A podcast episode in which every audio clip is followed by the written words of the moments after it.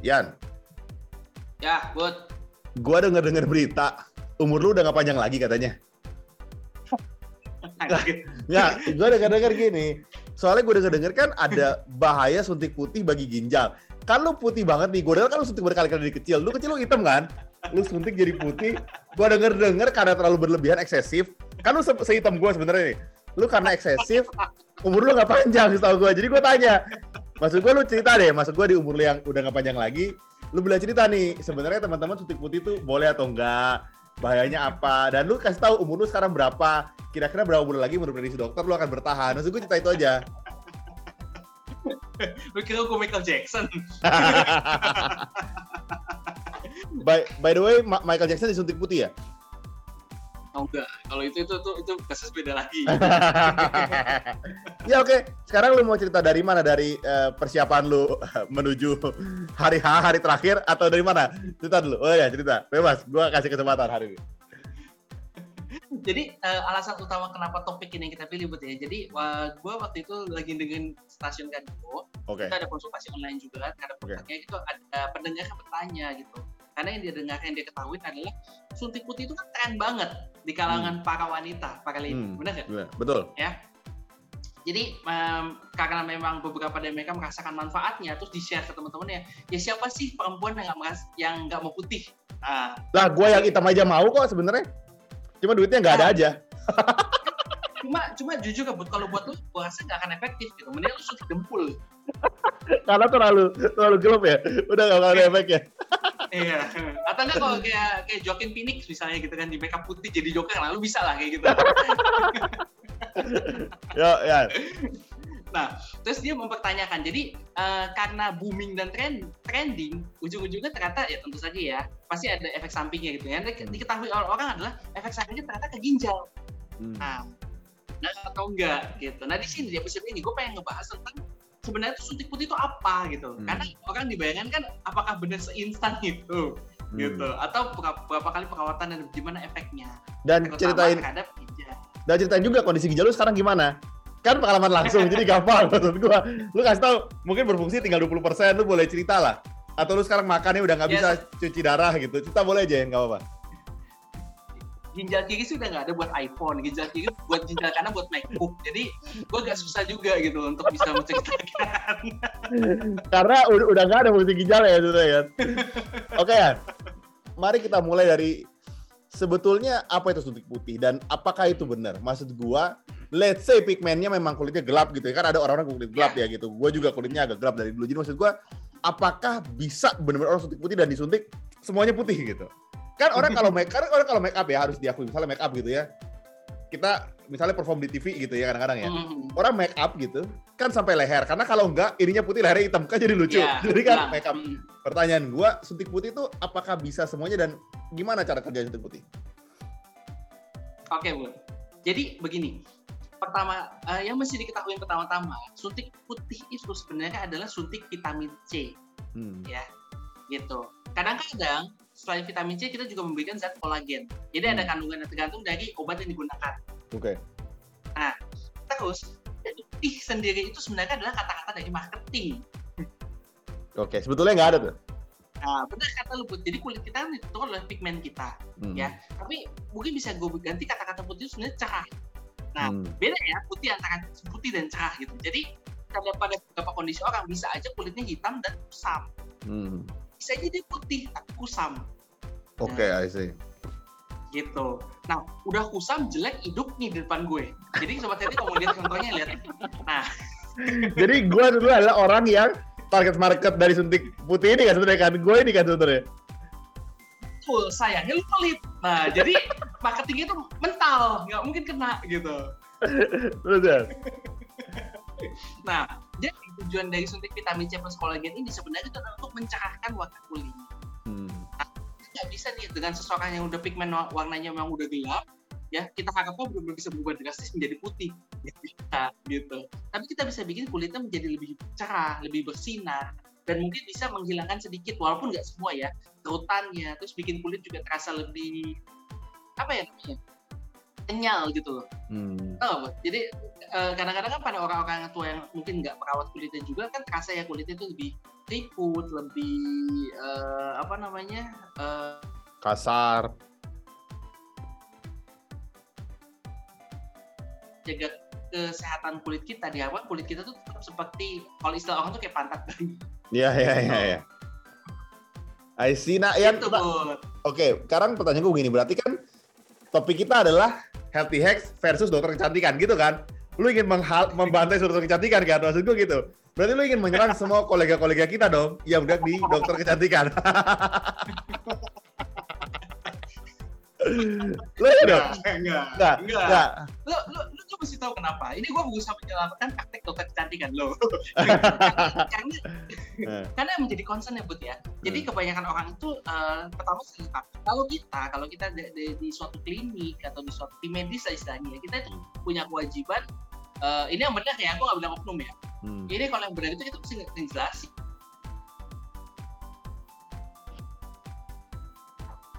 tentang waktu berapa lama misalnya. Oke. gitu. Nah, cuma itu juga melihat banyak oknum gelap yang melakukan praktek suntik kecantikan, suntik putih, ya. Tapi sebenarnya mereka itu tidak melakukan dengan cara yang benar, tidak dengan menggunakan obat yang benar. Nah, itu yang berbahaya. Lu taunya dari mana? Harganya miring, harga yang luar biasa miring gitu. Jadi I see.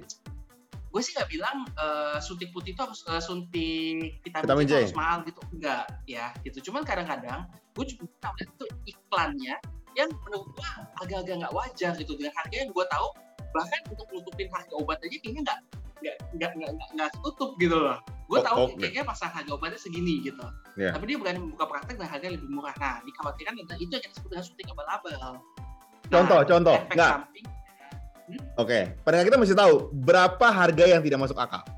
Maksud gua, lu sebut aja berapa yang menurut lu harga obatnya nggak segini nih harganya gitu. Eh tapi itu udah sekitar satu tahun yang lalu ya harganya nggak tahu. Nggak bisa bisa Nggak tahu berapa. bisa beda gitu.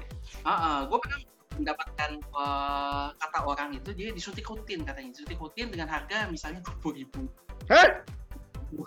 Dua puluh ribu? ada dua puluh lima iya dua puluh ribu dua puluh lima ribu gitu. Ada juga yang range-nya misalnya sampai lima puluh ribu itu juga ada. Cuman tetap aja pada saat gue tanya dilakukan di mana dilakukan di salon kecantikan Enggak, ya. ya. Jadi sebetulnya salon kecantikan, bukan praktek eh, apa namanya, bukan praktek tempat medis gitu. Hmm. Nah itu membuat gue jadi bertanya-tanya ini melakukannya sebenarnya punya kompetensinya enggak? Karena sekali lagi eh, ini terlepas dari obatnya benar atau enggak, caranya benar atau enggak.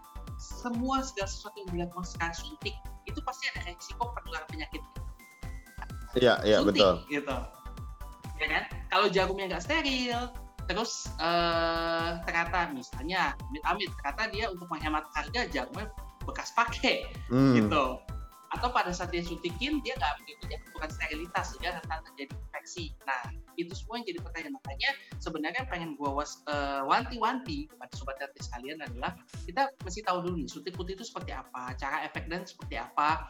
Dan kita juga mesti waspada juga jangan sampai kita malah ketipu I see. Berarti sebetulnya judul kita adalah Healthy Hacks versus salon kecantikan, gitu kan?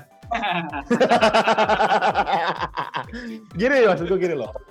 Setiap kali bikin podcast, lu nyerang banyak oknum kemarin, lu nyerang eh, tukang bekam. Lu kemarin lagi nyerang tukang urut. Sekarang nyerang salon kecantikan. Maksud gue gini loh, kita nih kan edukasi masyarakat. Nggak boleh kalau gitu. Teman-teman kalau udah rekomendasi dokter yang nggak nyerang, gantilah ini. Maksud gue, gue nggak mau nih, Minggu reputasi depan- gue buruk. Minggu depan kita live yang gue partner gue sendiri Oke, Yan berarti kan sebetulnya nggak ada tuh suntik putih, adanya kan suntik vitamin C, gitu ya. Nah, eh, tentunya segala sesuatu yang disuntikan tuh kita punya perasaan was-was tentunya, ada rasa Hmm. ada rasa khawatir lah maksudnya. Hmm. Em, gue pengen tahu apakah betul kalau orang disuntik vitamin C bisa mengganggu ginjal? Dan kalaupun itu benar, berapa banyak yang dibutuhkan sampai dia merusak ginjal? Itu pertanyaan gue. Dan kalaupun dia salah, sebetulnya limit-limit limitnya harusnya seberapa gitu yang kita harus tahu. Jadi kita juga aware kan sebagai eh, customer gitu, kita juga tahu kok kayaknya dokter ini nyuntiknya nggak make sense deh gitu. Maksud gue gitu. Kita mesti tahu ancar-ancar itu ya. Gimana? Hmm. Jadi sebenarnya resiko vitamin C ke ginjal tuh ada, tapi kecil ya Put ya. Jadi Oke. jangan karena kita bilang vitamin C merusak ginjal langsung, aduh hati-hati nih gue minum vitamin C. Gue eh, merembet ke mana-mana gitu. Misalnya kayak ada kan produk eh, IC gitu, IC 2000 gitu kan. Ya, ya, ya, ya, ya. ya. Ya, kandungan vitamin C tinggi misalnya. Waduh, gua kebanyakan ini tak ginjal gue sakit enggak juga gitu. Karena eh, udah pernah kita bahas vitamin yang masuk terlalu berlebih ke dalam tubuh selama tidak over banget itu akan dikeluarkan secara eh, natural melalui ginjal kita. Ya. Gitu. Tapi ada sedikit catatan kalau misalnya untuk suntik itu kan kita eh, suntik itu kan dia tidak melalui jalur pencernaan ya. Artinya dosis yang disuntikan itu akan masuk penuh beredar di dalam tubuh kita Ya, Oke. gitu. Nah, ngeliat muka lu, lu bingung, gue jelasin. Misalnya satu satu butir jeruk ini katakanlah eh, katakanlah dia mengandung misal 50 mg vitamin C. Hmm. Dan kita kupas, kita makan, masuk ke dalam tubuh, serap melalui usus. Nah, penyerapannya mungkin nggak sampai 50 mg, Hmm. mungkin penyerapannya 40, 30, Oke. 35 gitu. Jadi nggak full 100%. Tapi kalau vitamin C 50 mg disuntik langsung ke dalam tubuh kita, maka yang beredar di tubuh kita benar-benar 50. Oke, got it. Oke, make sense. Jadi itu bedanya antara eh, dimakan, diminum dengan disuntikan. Nah, Hmm. yang kedua, kata-kata dosis vitamin C itu adalah maksimal untuk orang dewasa itu 1000 mg per hari. Hmm. Kalau misalnya rutin mengkonsumsi vitamin C lebih tinggi dari 1000 mg, kalau hanya sesekali dia akan keluar kalau rutin. Tapi kalau rutin terus-terusan dikhawatirkannya dia bisa membentuk eh, suatu citrat di dalam ginjal. Ujung-ujungnya jadi batu ginjal. Nah, I see. batu ginjal kalau besar menyumbat ginjal lagi ginjal jadi bermasalah ginjal jadi Oh, kadang-kadang kalau efek langsungnya begitu dikasih vitamin dosis tinggi itu kerja ginjal jadi agak berat orang yang masih muda nggak masalah tapi kalau misalnya untuk orang tua yang punya masalah dengan ginjal yang ginjalnya sudah ada masalah ditambah lagi dengan beban yang berat makanya jadi fungsi ginjalnya makin terganggu tapi sebenarnya seperti itu I see. Berarti topik kita ini adalah Adrian versus minuman vitamin C gitu kan? Lu ingin menyerang semua perusahaan vitamin C minuman itu kan? Lu bener-bener lu. Setiap kali ngomong lu nyerang semua orang, lu keterlaluan. Lu. Gak bener deh. Kacau nih. Gue bingung mau nanya apa gue di sini nih. Ya, ya tapi tanya gue gini, gue gini. tapi Ah, tapi begini bun itu Eh. kan kalau misalnya kita bicarakan adalah kandungan yang benar ya ya. Jadi dalam arti biasanya kalau misalnya kita lakukan di tempat yang benar dengan tenaga yang terlatih lah istilahnya. Sebenarnya nggak mesti dokter, nggak mesti perawat. Kadang-kadang beautician, jadi juga mungkin mereka sudah mendapatkan uh, training atau pelatihan, sertifikat, delegasi. Mereka bisa melakukannya gitu. Hmm. Nah, tapi ini yang gue bilang yang oknum ini. Nah, yang berbahaya adalah kita nggak tahu apa. Gua gua paham ap- apalagi dengan harga serendah itu maksud gua gua aja kaget dengernya karena disuntikan dalam tubuh 20.000 ribu sih memang rendah sekali. Tapi pertanyaannya kan jadi ginian sebetulnya. Ah, um, let's say kita mau konsumsi vitamin C secara rutin gitu ya let's say gua gua gua nggak tahu nih maksud mengkonsumsi itu adalah apakah dengan multivitamin yang punya kandungan vitamin C kita minum rutin gitu pertanyaan gue atau dengan makan kandungan buah-buahan yang banyak vitamin C atau apa. Let's say kita minum multivitamin C setiap hari rutin konsisten. Gitu ya dengan kadar yang sesuai. Hmm. anggaplah itu. Pertanyaan gue. Hmm. berarti khasiatnya sama dong dengan suntik vitamin C. Yang gue nggak paham adalah ketika orang disuntik vitamin C kan kadar sehari hanya 1000 mg maksimal. Gitu dong. Berarti logikanya waktu dia disuntik dia hanya maksimal 1000 mg dong tidak boleh lebih dong Iya, iya. iya dong. Nah biasanya gue biasanya ada yang menggunakan dosis jauh di bawah itu. Sedianya yang sekitar 200 200 mg oke. Terus bedanya apa kalau kita mengkonsumsi secara rutin? Apakah efeknya akan sama atau tetap ada bedanya kalau lu disuntikan langsung? Let's say asumsi aja deh. Kita mau konsumsinya rutin gitu vitamin C-nya rutin. Mungkin mungkin nggak 1000 mg lah. Mungkin kita setiap hari yang 100 mg vitamin C ditambah buah-buahan. Tapi kita rutin nih. Maksud gua apakah efeknya beda dengan suntik kalau kita bicara cuma vitamin C-nya aja efeknya sama oke gitu tapi yang mempengaruhi ke kincelongan dari kulit itu kan sebenarnya bukan vitamin C doang hmm. faktor gitu nah salah satu di dalamnya nih contohnya misalnya gini orang yang sering kena cahaya matahari langsung sama enggak kulitnya pasti beda Hmm. Hmm. gitu. Nah, orang yang kena cahaya matahari langsung tidak menggunakan sunblock dibandingin orang pakai sunblock itu juga pasti beda. ya ya Gitu. Jadi kalau misalnya pertanyaan lu vitamin C itu bukan satu-satu faktor. Bukan. Nah, pada orang yang disuntik vitamin C untuk kecantikan biasanya kandungannya bukan cuma vitamin C tapi ada kolagennya juga. Tadi kau sebutkan I see kolagen itu sendiri sebenarnya penting buat penting untuk pembentuk eh, eh, jaringan pada kulit ya sehingga Hmm. kulit itu tetap elastis. Tapi yang tadi gue bilang nyupai pantat bayi Hmm, gitu. iya. Nah, jadi itu salah satu keunggulan kenapa sampai saat itu tetap dilakukan vitamin C untuk kulit. Kita nggak bisa cu- kita switch hanya untuk makanan aja gitu. Hmm. I see. Nah berhubung gua berhubung gua pelit, kasih tau gua makan apa yang mengandung kolagen coba. Karena gua nggak ingin disuntik gua sih. gua pengen mengganti tuh vitamin C dengan makanan konsumsi langsung. Coba, ayo. eh, lu, lu percaya atau enggak ya? Eh, Sebenarnya sumber kolagen itu gampang banget didapetin, tapi gua nggak yakin semua orang makan akan makan itu. I see. Apa nih? Penasaran gua. Kulit ayam. Kulit ayam? Kulit ayam. Kolagen ada di dalam kulit. Hmm. Otomatis yang dapetinnya gimana? Konsumsi kulit. Tapi kan kulitnya ada yang nggak sehat ya dong, lemaknya dan teman-teman dong. Nah, itu dia. Jadi se- eh, sebenarnya kalau misal lu tanya kandungan kolagen di dalam kulit itu banyak banget, tinggi banget. Tapi kita mesti ngeliat efek samping lainnya. Dia mengandung Hmm. lemak juga. Dia juga bisa kalau misal untuk orang yang diet kulit tuh kalorinya banyak banget karena Ya, banyak ya, ya. lemak juga gitu kan ujung-ujungnya kan. Jadi sebenarnya nggak terlalu bagus. Saran gue sebenarnya gizi berimbang itu cukup. eh, kalau misalnya kita makan dengan gizi berimbang, itu biasanya sebenarnya udah cukup untuk, untuk apa namanya untuk untuk tubuh kita. Tapi ada beberapa kandungan makanan yang lebih tinggi kolagen. Satu, tadi udah gue sebut ya kulit ayam. Yang kedua, kaldu, Bud. Kaldu, I kuah kaldu, kuah kaldu, ah, kuah kaldu. Terus yang ketiga daging. Hmm. Biasanya sih daging-daging eh, ikan daging putih, jadi daging Hmm. ayam, daging ikan. Nah itu biasanya itu mengandung kolagen dan jumlahnya juga tinggi. Eh, kalau misal untuk daging nabatinya, biji-bijian atau kacang-kacangan juga itu juga mengandung kolagen. Gitu. Tapi seperti yang Oke. tadi gue bilang, asupan doang nggak akan cukup kalau misalnya perawatan kulit itu kita nggak maksimal. Eh, sebenarnya sih nggak mesti perawatan yang benar eh, apa namanya totalitas kayak lu setiap berapa hari sekali harus ke salon, harus ke klinik untuk perawatan nggak juga. Gitu. Tapi ya itu tadi hindari cahaya matahari langsung, Hmm. ya kan? Kalau misal kulitnya memang cenderung kering karena cuaca lagi panas, gunakan pelembab atau lotion. Jadi Hmm. eh tindakan untuk merawat kulit itu banyak. Jangan lu terfokus cuma hal aja. I see.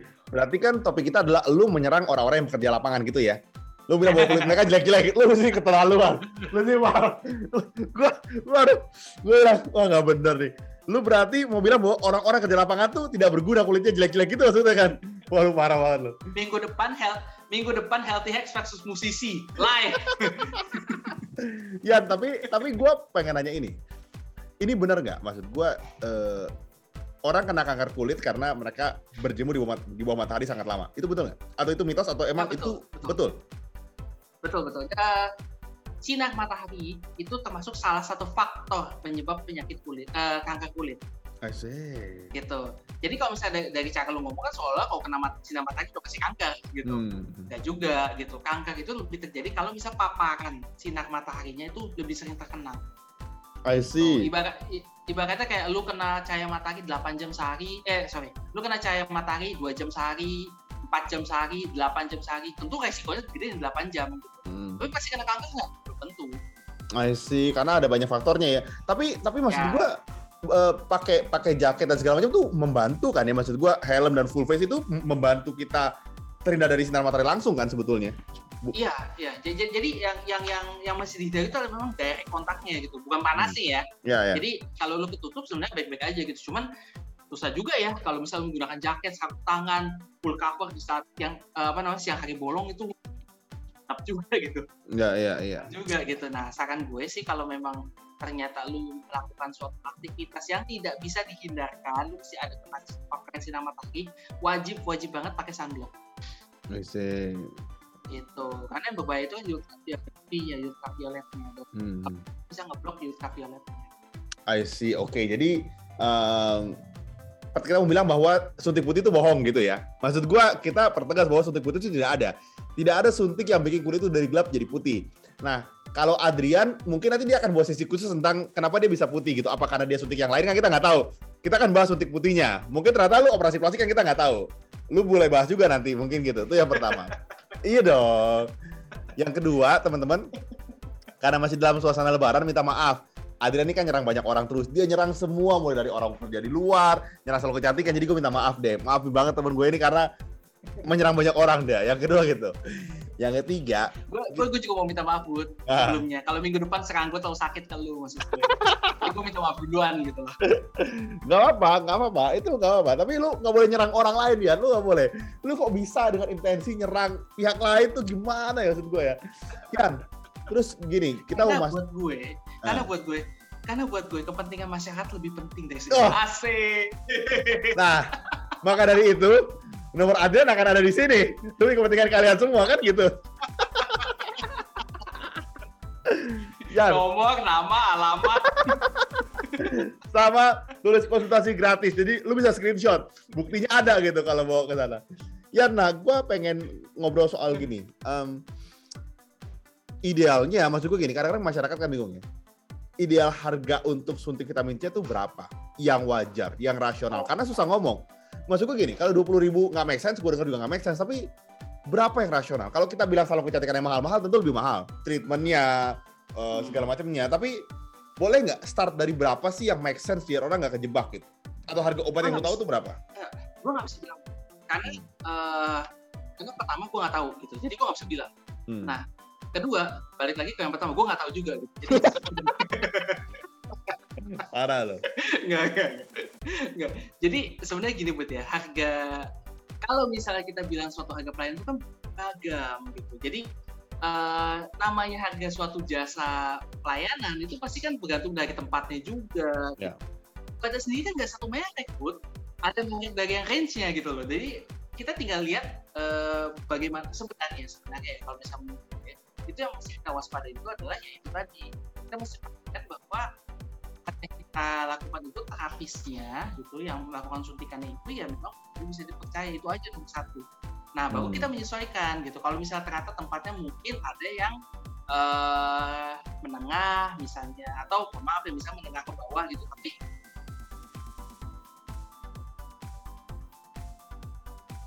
jadi ya memang lisensi untuk kecantikan gitu kan eh, bisa aja gitu dia misalnya menemukan suatu distributor yang bagus misalnya sewa tempatnya juga murah jadi gue nggak bisa menjatuhkan juga gitu yang mesti gue eh, wanti-wanti adalah lu mesti pastikan dulu gratis itu benar gitu bukan adalah oknum I see, oke. Ya.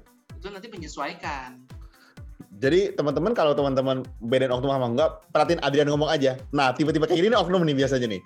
Jadi kalau merasa dia gesturnya baik, positif, itu oknum biasanya. Jadi lu kan lu lihat Adrian baik-baik, tipe muka gini, tipe Kenapa? Ka- ka- ka- kalau misal lu datang ke tempat praktek ketemu sama yang mau nyuntiknya tiba-tiba mukanya di blur mungkin itu juga oknum biasanya Jadi teman-teman, kita katain Desni dan Kamis, kita akan memberikan banyak info kesehatan tentunya dari yang berupa hoax atau misalnya hal-hal yang harusnya kalian salah nih bahkan ya. Jadi eh, pantengin terus kita, tonton video kita dan share juga ke teman-teman kita, ke teman-teman kalian juga supaya kalian bisa dapat informasi yang benar tentang kesehatan. Jadi sampai sini aja. Eh, sampai jumpa di episode selanjutnya. Stay healthy. and stay alive Bye-bye. Bye-bye.